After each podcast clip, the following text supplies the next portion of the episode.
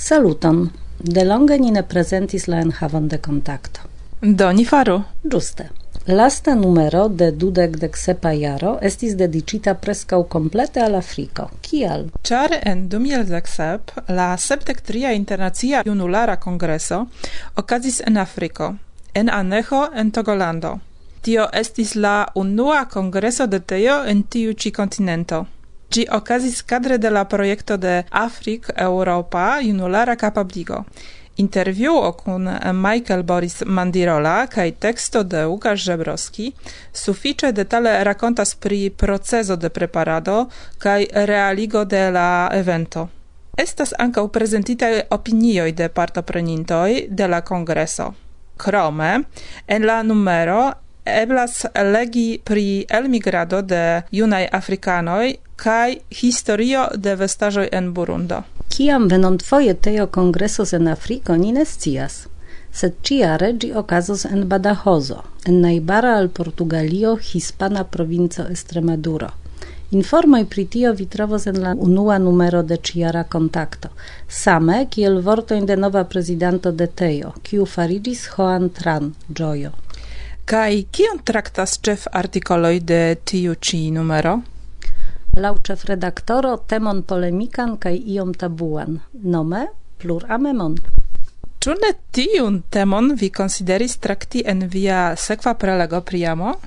Jes, vi pravas.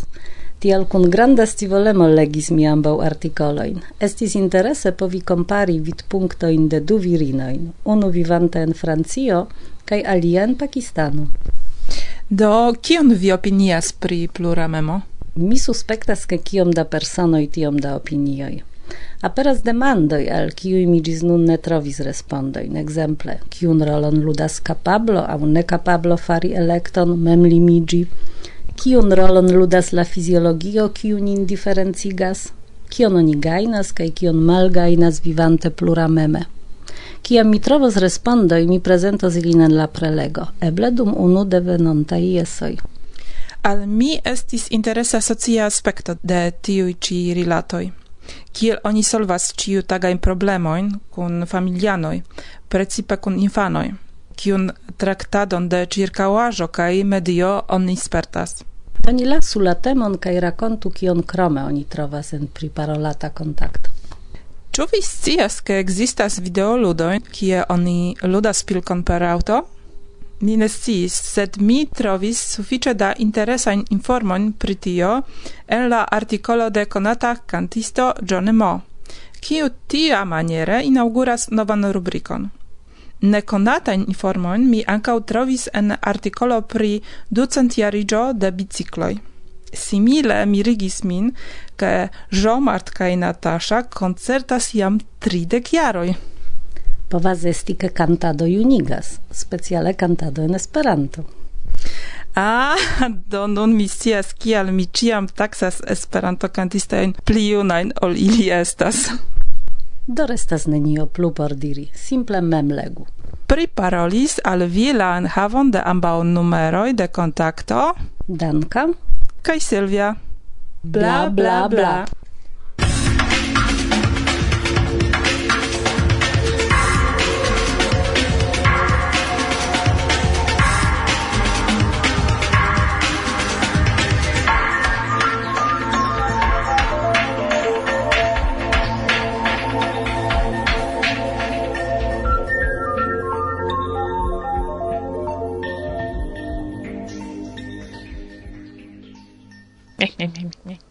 Saluton, mi estas Ana Manero, kai invitas vin al angulo de Miguel Fernández.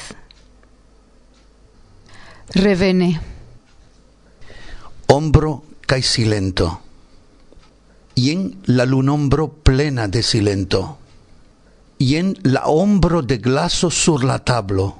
Ien la ombro la ombro mia mana sur mia scrip papero serchas vin verse. Miaj fingroj ade trairas vian haŭton milde glitas kiel en tiu tempo. Sur la linioi mil de via corpo. Quas oggi estus plei leginda libro caiero por conservi am poemoin. Mi regresas al cultivo de la melancolio, cae en lirica revo mi revenas al via oculpar cae via ventro, nur alili, el lacetero resta sole ombro, cae silento. Y en la lunombro plena de silento, y en la hombro de glaso sur la tablo, y en la hombro, la ejo, sombra, ve de via propra silento. Mi sensas vian manon kiel enorman maron. Mi sensas la manparon de mia vocio trairi vian corpon, vian nudon, vian inetson, cion, cio ne havas limoin, vin, la amon, la songion, la desiron, ho, ciam nepre restas la desiro fingropinte, la ombron, la silenton, y en la lunombro plena de silento, y en la ombro de glaso sur la tablo, y en la hombro, la memoro privi, flugil batado, cor caresa, eterna. Mi fermas la oculoin, por vidi vian manon el magii secretoin. Mi ravillas, memoras che ciam via mano tuscetis mian vangon, cae transigis en procrastitan gison, mi ja ne sciis cion mi preferas, ciu audi vian vocion au gin songi.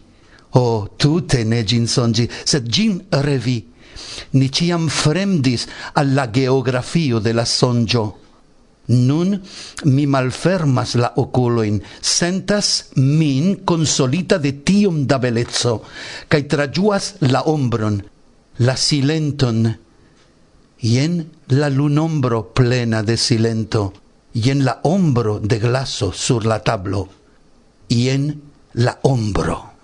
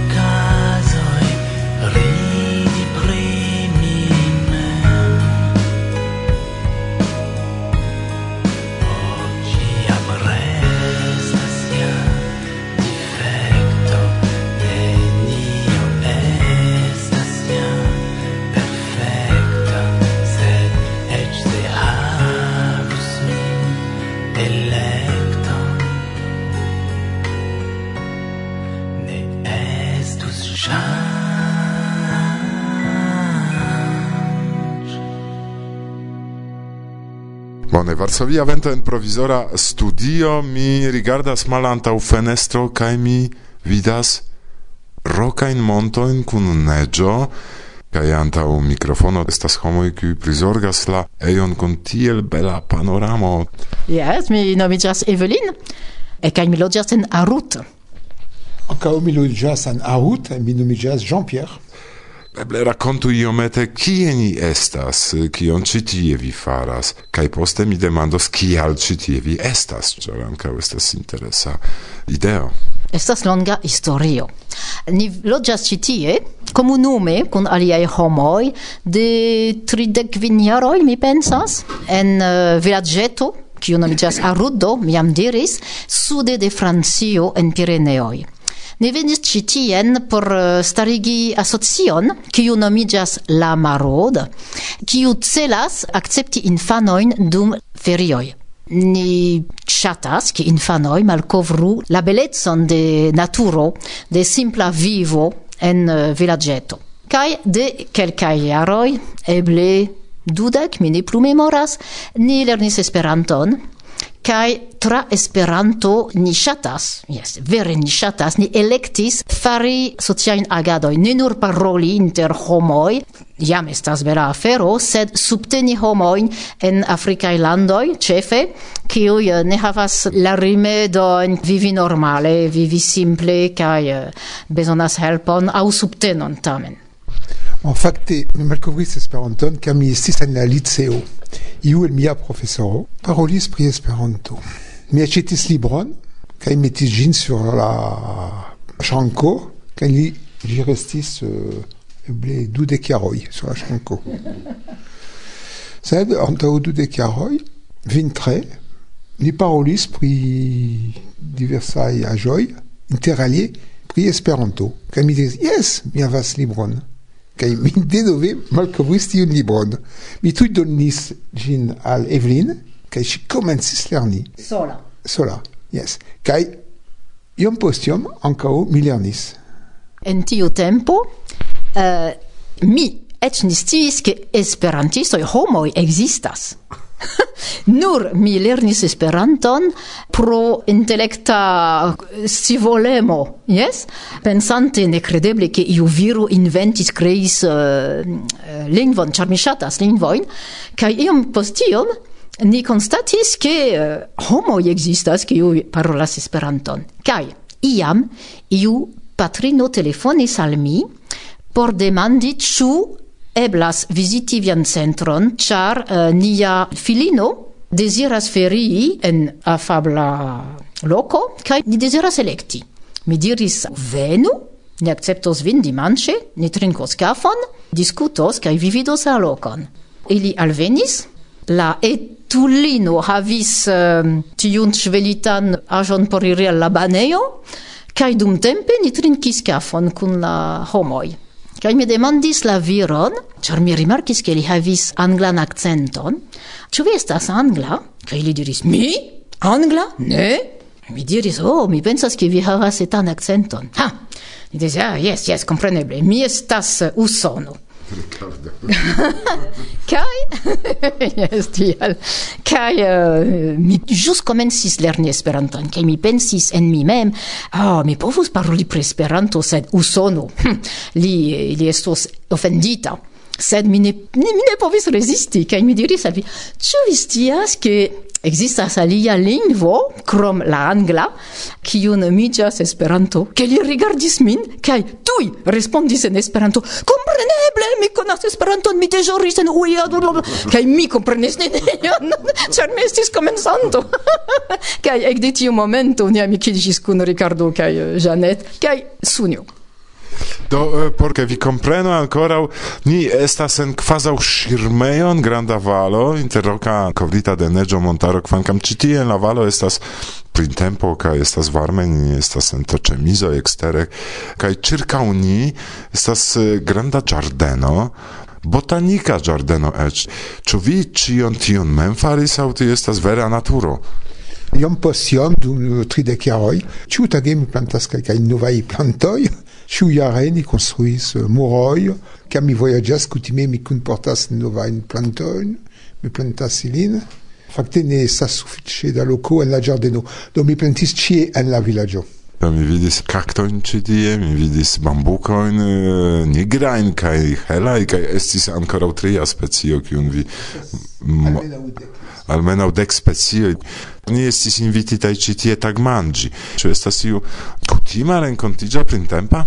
ne nur printempa, de quelcae iaroi mi starigis uh, iun uh, babil manjon En Toulouse, ili kutimas rencontigi cae nomas eh, uh, gin manjo clacio. Ni en Ariejo ni clacias, ni nur babilas. Tial ni nomis tiun uh, rencontigion uh, babil manjon do ni provas rencontigi unu dimanchon monate por cune mangi kai babili kai racconti pri niai diversai spertoi cotopo kai uh, eh, suffice multai homoi shatas tion kai mi consilas che en ciui urboi au regionoi kie estas esperantistoi la homoi rencontigiu tiel ciu alportas ion por mangi, por trinki, kai en bona eto ni povas dividi, kai canti, kai babili kai spekti pri Afriko fotoin kai filmoin E, apud mi sidas Michel, kiu portis nin ci tie kai estis tie la fabla inviti nin en sian auton kai non tempe vere ne contentas ke mi povas e, proximigi kun mikrofono, do mi ne persekutos vin, sed Michel estis autoro de la fotoi kai filmoj, kiujn ni hodio pri Afriko spektis. Karaj, e, kion vi desirus diri al homo en la mondo? Per kai tra Esperanto oni povas agi tre grave por niaj eh, samideanoj kaj uh, eh, ni starigis du aferojn, mi dirus, ne pre socioj. Unu estas um, nomad kurso, ni kutimas grupigi ni povus diri, por uh, vojaĝi en iu lando, por plibonigi nian uh, scion de Esperanto, do kutime ni vojaĝas kun instruisto kaj ni renkontiĝos kun lokaj esperantistoj kaj ni kun vojaĝas kun kune en la lando kaj estas ege interesaj spertoj. Tio estas unu afero. La alia afero, kiu eble estas pli grava por niaj samideanoj, estas Esperanto Plus. La ideo estas subteni elstarajn esperantistojn en eh, malriĉaj landoj gis nun en Afriko, char ni konas Afrikon, kai Jopo eh, uh, iniciatis tiun eh, ideon, kiu konsistas el grupigi eh, uh, dekvin homoin en Francio, kiu donas nur dek euroin monate. Ne estas multe, sed estas cinquindec euroin monate, kai por iu africano ebligas al li eh, vivteni tamen kai divastigi Esperanton cerca uli en sia medio. Do gis nun ni subtenas kvar uh, eh, homojn, preskaŭ gvin kai uh, eh, estas bela sperto char temas pri solidarezzo inter homoi kiu havas pli ol aliai sed celas la saman uh, ideologion. Do tio kion mi deziras diri al la homoi ke per Esperanto multe multe oni povas fari. Yes, mi vere pensas che per Esperanto oni povas agi en la tuta mondo por uh, pazzo kaj ankaŭ por plibonigi la la ĉiutaga vivo. Se oni vojaĝas en Afriko, oni bone vidas ke ĉio mankas. Tute ne estas laboro, oni ne havas monon, do estas bone ke la esperantistoj en la mondo komprenas tion. Ne sufiĉas de tempo al tempo organizi kongreson, kotopo, oni devas agi. Tion mi pensas. Kaj mi pensas che la lastai vortoi de nia interparolo charma en di belai circostanze estas homoi malkovru tiun lokon. Ĉu ekzistas iu retejo, iu loko kie oni povas trovi pli da informojn pri vi, ke oni klakos, serĉos kaj skribos al vi iun mesaĝon, ke ĉu oni rajtas veni en julio ekzemple aŭ en aŭgusto, ĉu estas tiu loko? Yes, yes, yes, yes. Do estas du retejoj. Unu koncernas la maro Claude kai temas pri la infanoj do uh, oni vidas nur na franca lingvo sed oni povas vidi uh, bildojn kaj uh, imagi la la laboron kiun ni faras por la infanoj kaj vidi la lokojn kaj alia afero estas Esperanto Plus. Per uh, la retejo de Esperanto Plus oni povas kontakti nin. Kaj por la ret uh, poŝto simplas sunkompanio arrobas wanadu.foro. E, kaj mi comprenas estas plenplena loko, ĉar se venos infanoj oni povas ne trovi lokon por dormi, ĉu estas gastigantoj ĉi tie, kiuj helpos eh, tranokti ekzemple esperantiston, kiu venos ĉi tie kaj vi ne havos lokon gastigi? Jes, ni povus trovi, sed se temas pri unu aŭ du aŭ tri personoj, ni ĉiam elturniĝas ciu jare eh, esperantistoj venas, se ni, ni ne povas organizi eh, akceptadon de grupoj aŭ bedaurende bedaurende. Mi ŝatus fari, sed eh, ne eblas pro la cesto de, de infanoi dum la ferioi Do unue vidu fotojn, la bildoin, due kaptu kontakton kaj trie demandu ĉu estos loko por mi kaj cent personoj kiuj deziras veni al kun mi kaj tiam vi ricevos ian respondon kiun mi iam ne sias. Konan dankon pro la intervjuo, kaj mi deziras al vi sukceson, kaj ke la plantojn, kiun ni hodiaŭ vidis dum la bela promenado al la malsupra kaj supra ĝardeno, ili fartu bone, kaj eble semojn mi kunportos al vi. Konan dankon pro la intervjuo. Dankegon, kara Jurek. Dankegon. Ĝis.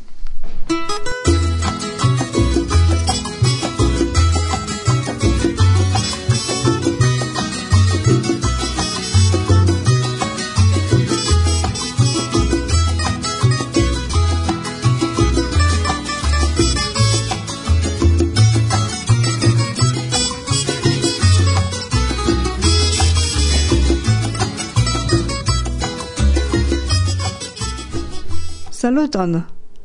Mi esas Jean-Marie Cash, kaj mi nun invitas vin al la angulo de Ricardo Cash. Um, pasticcioi.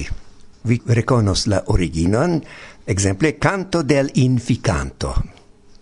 Lau Julio Laupaccio, Giulio Baghi, Inficant del mondo estas mi, ficanta por felic, en libido regas malstrecig, per mamoi cae per pic.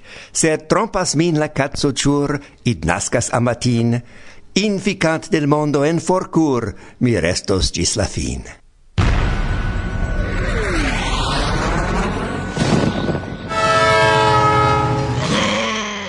Carae e de Varsovia Vento, saluton!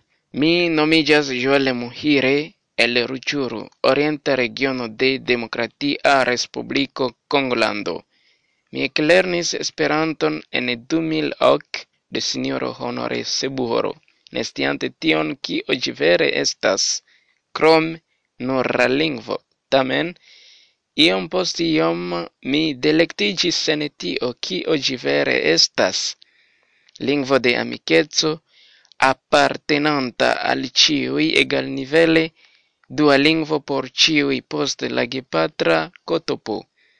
Tio estas fakte la factoroi kiuj instigis min al plua diligenta lernado de Esperanto malgrau la tiamai malfacilagioi. Usurpa milito far la ribel gruppo zono Dopo de la generalo Taganda.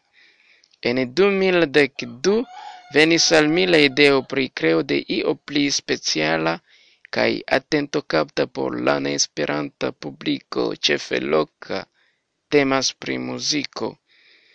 Laŭ mi, muziko rapidigas informojn pri io kaj distrigas ia tempe pro bela, mieldolĉa melodio, ritmo. Do, Mi ekkomponis la unuan canton Esperanto-Ponta Lingvo tiujare.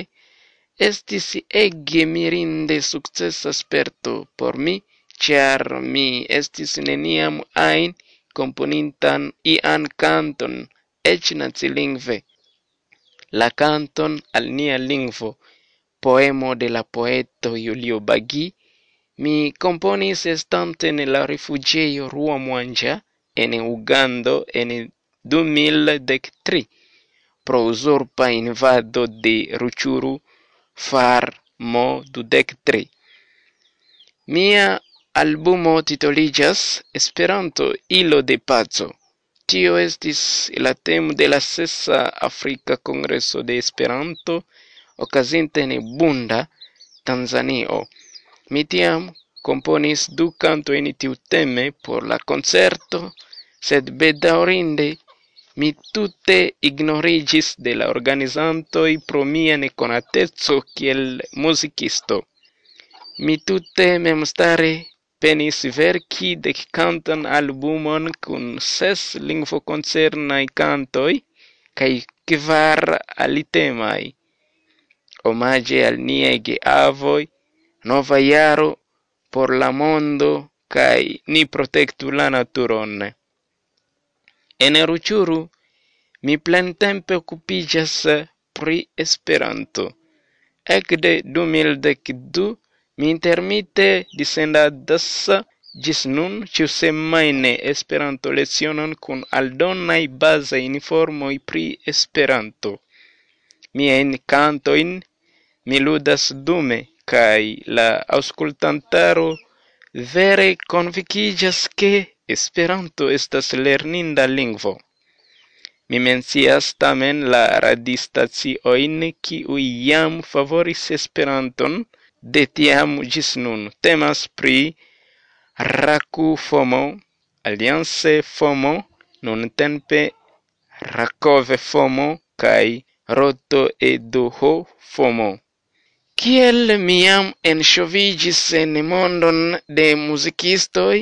Mi preferas muzikumi ĉiam en Esperanto, por elmontri al la neesperantistoj kiom valoras nia lingvo.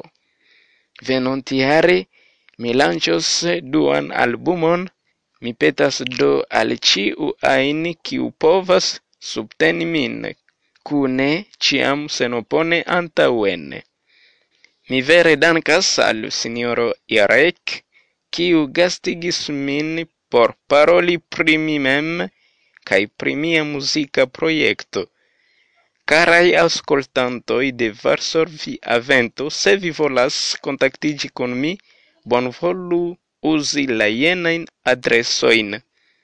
Joel Muhire, nulo ce gomail.com au crozu en www.senopone.wordpress.com Amiche Joelle Mohire el Democratia Respublico Congolando Neniu pli bon idea la lingua que existas en la mondo ol Esperanto Gestas ilo de pazzo kai de chia disvolvigio chie Ya yeah. canto ilo de paco kai disvolviĝo de a continento Afriko. Kai de la mondo per kiu pacaj batalantoj strebas al pli paradizeca. Mondo Esperanto ilo de paco kai disvolviĝo de a continento Afriko. Kai de la mondo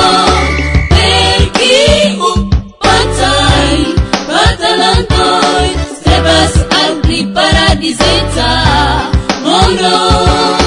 Per esperant disfalas moroj lingvaj fratamo reciproke li premo bonkoreca Jen kelkaj kernaj de esperanceloj ja eblas unu lingvo unu homaro. Tiu unu estance sendube esperanto lingvo kiun bezonas la homaro.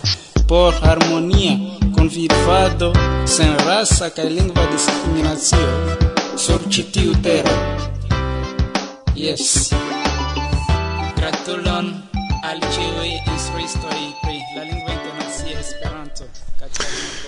Kaj jen ĉio kion ni preparis eh, por vi en la cent eh, dudeknaŭa elsendo el la provizora studio Giardena. Adiaŭas vin. Nom nom nom bon gustaj dolĉajn fragojn, sed ankoraŭ kelkajn restis do ĝis la revido Agnieszka.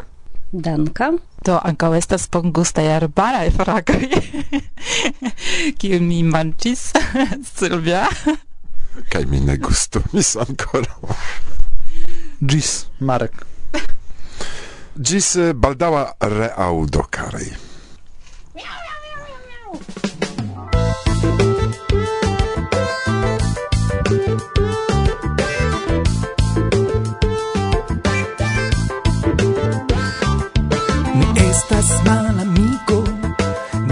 suspekta gest.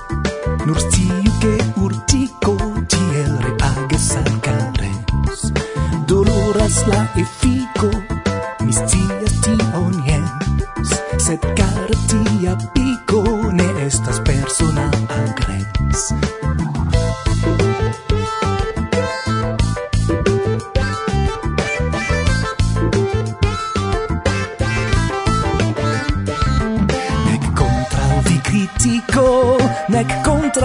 proces. Al via umbilico ne sin turnas l'univers. Ne estas mal amico exter via fortres nur stiu che urtico tiel reagas al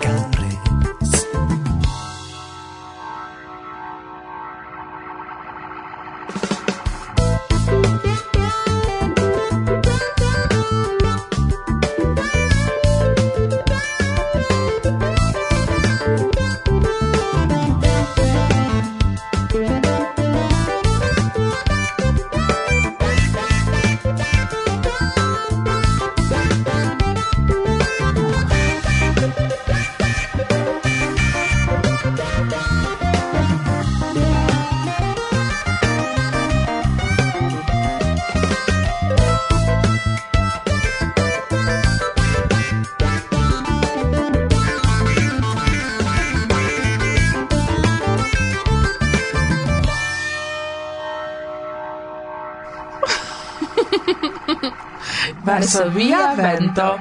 Bla, bla,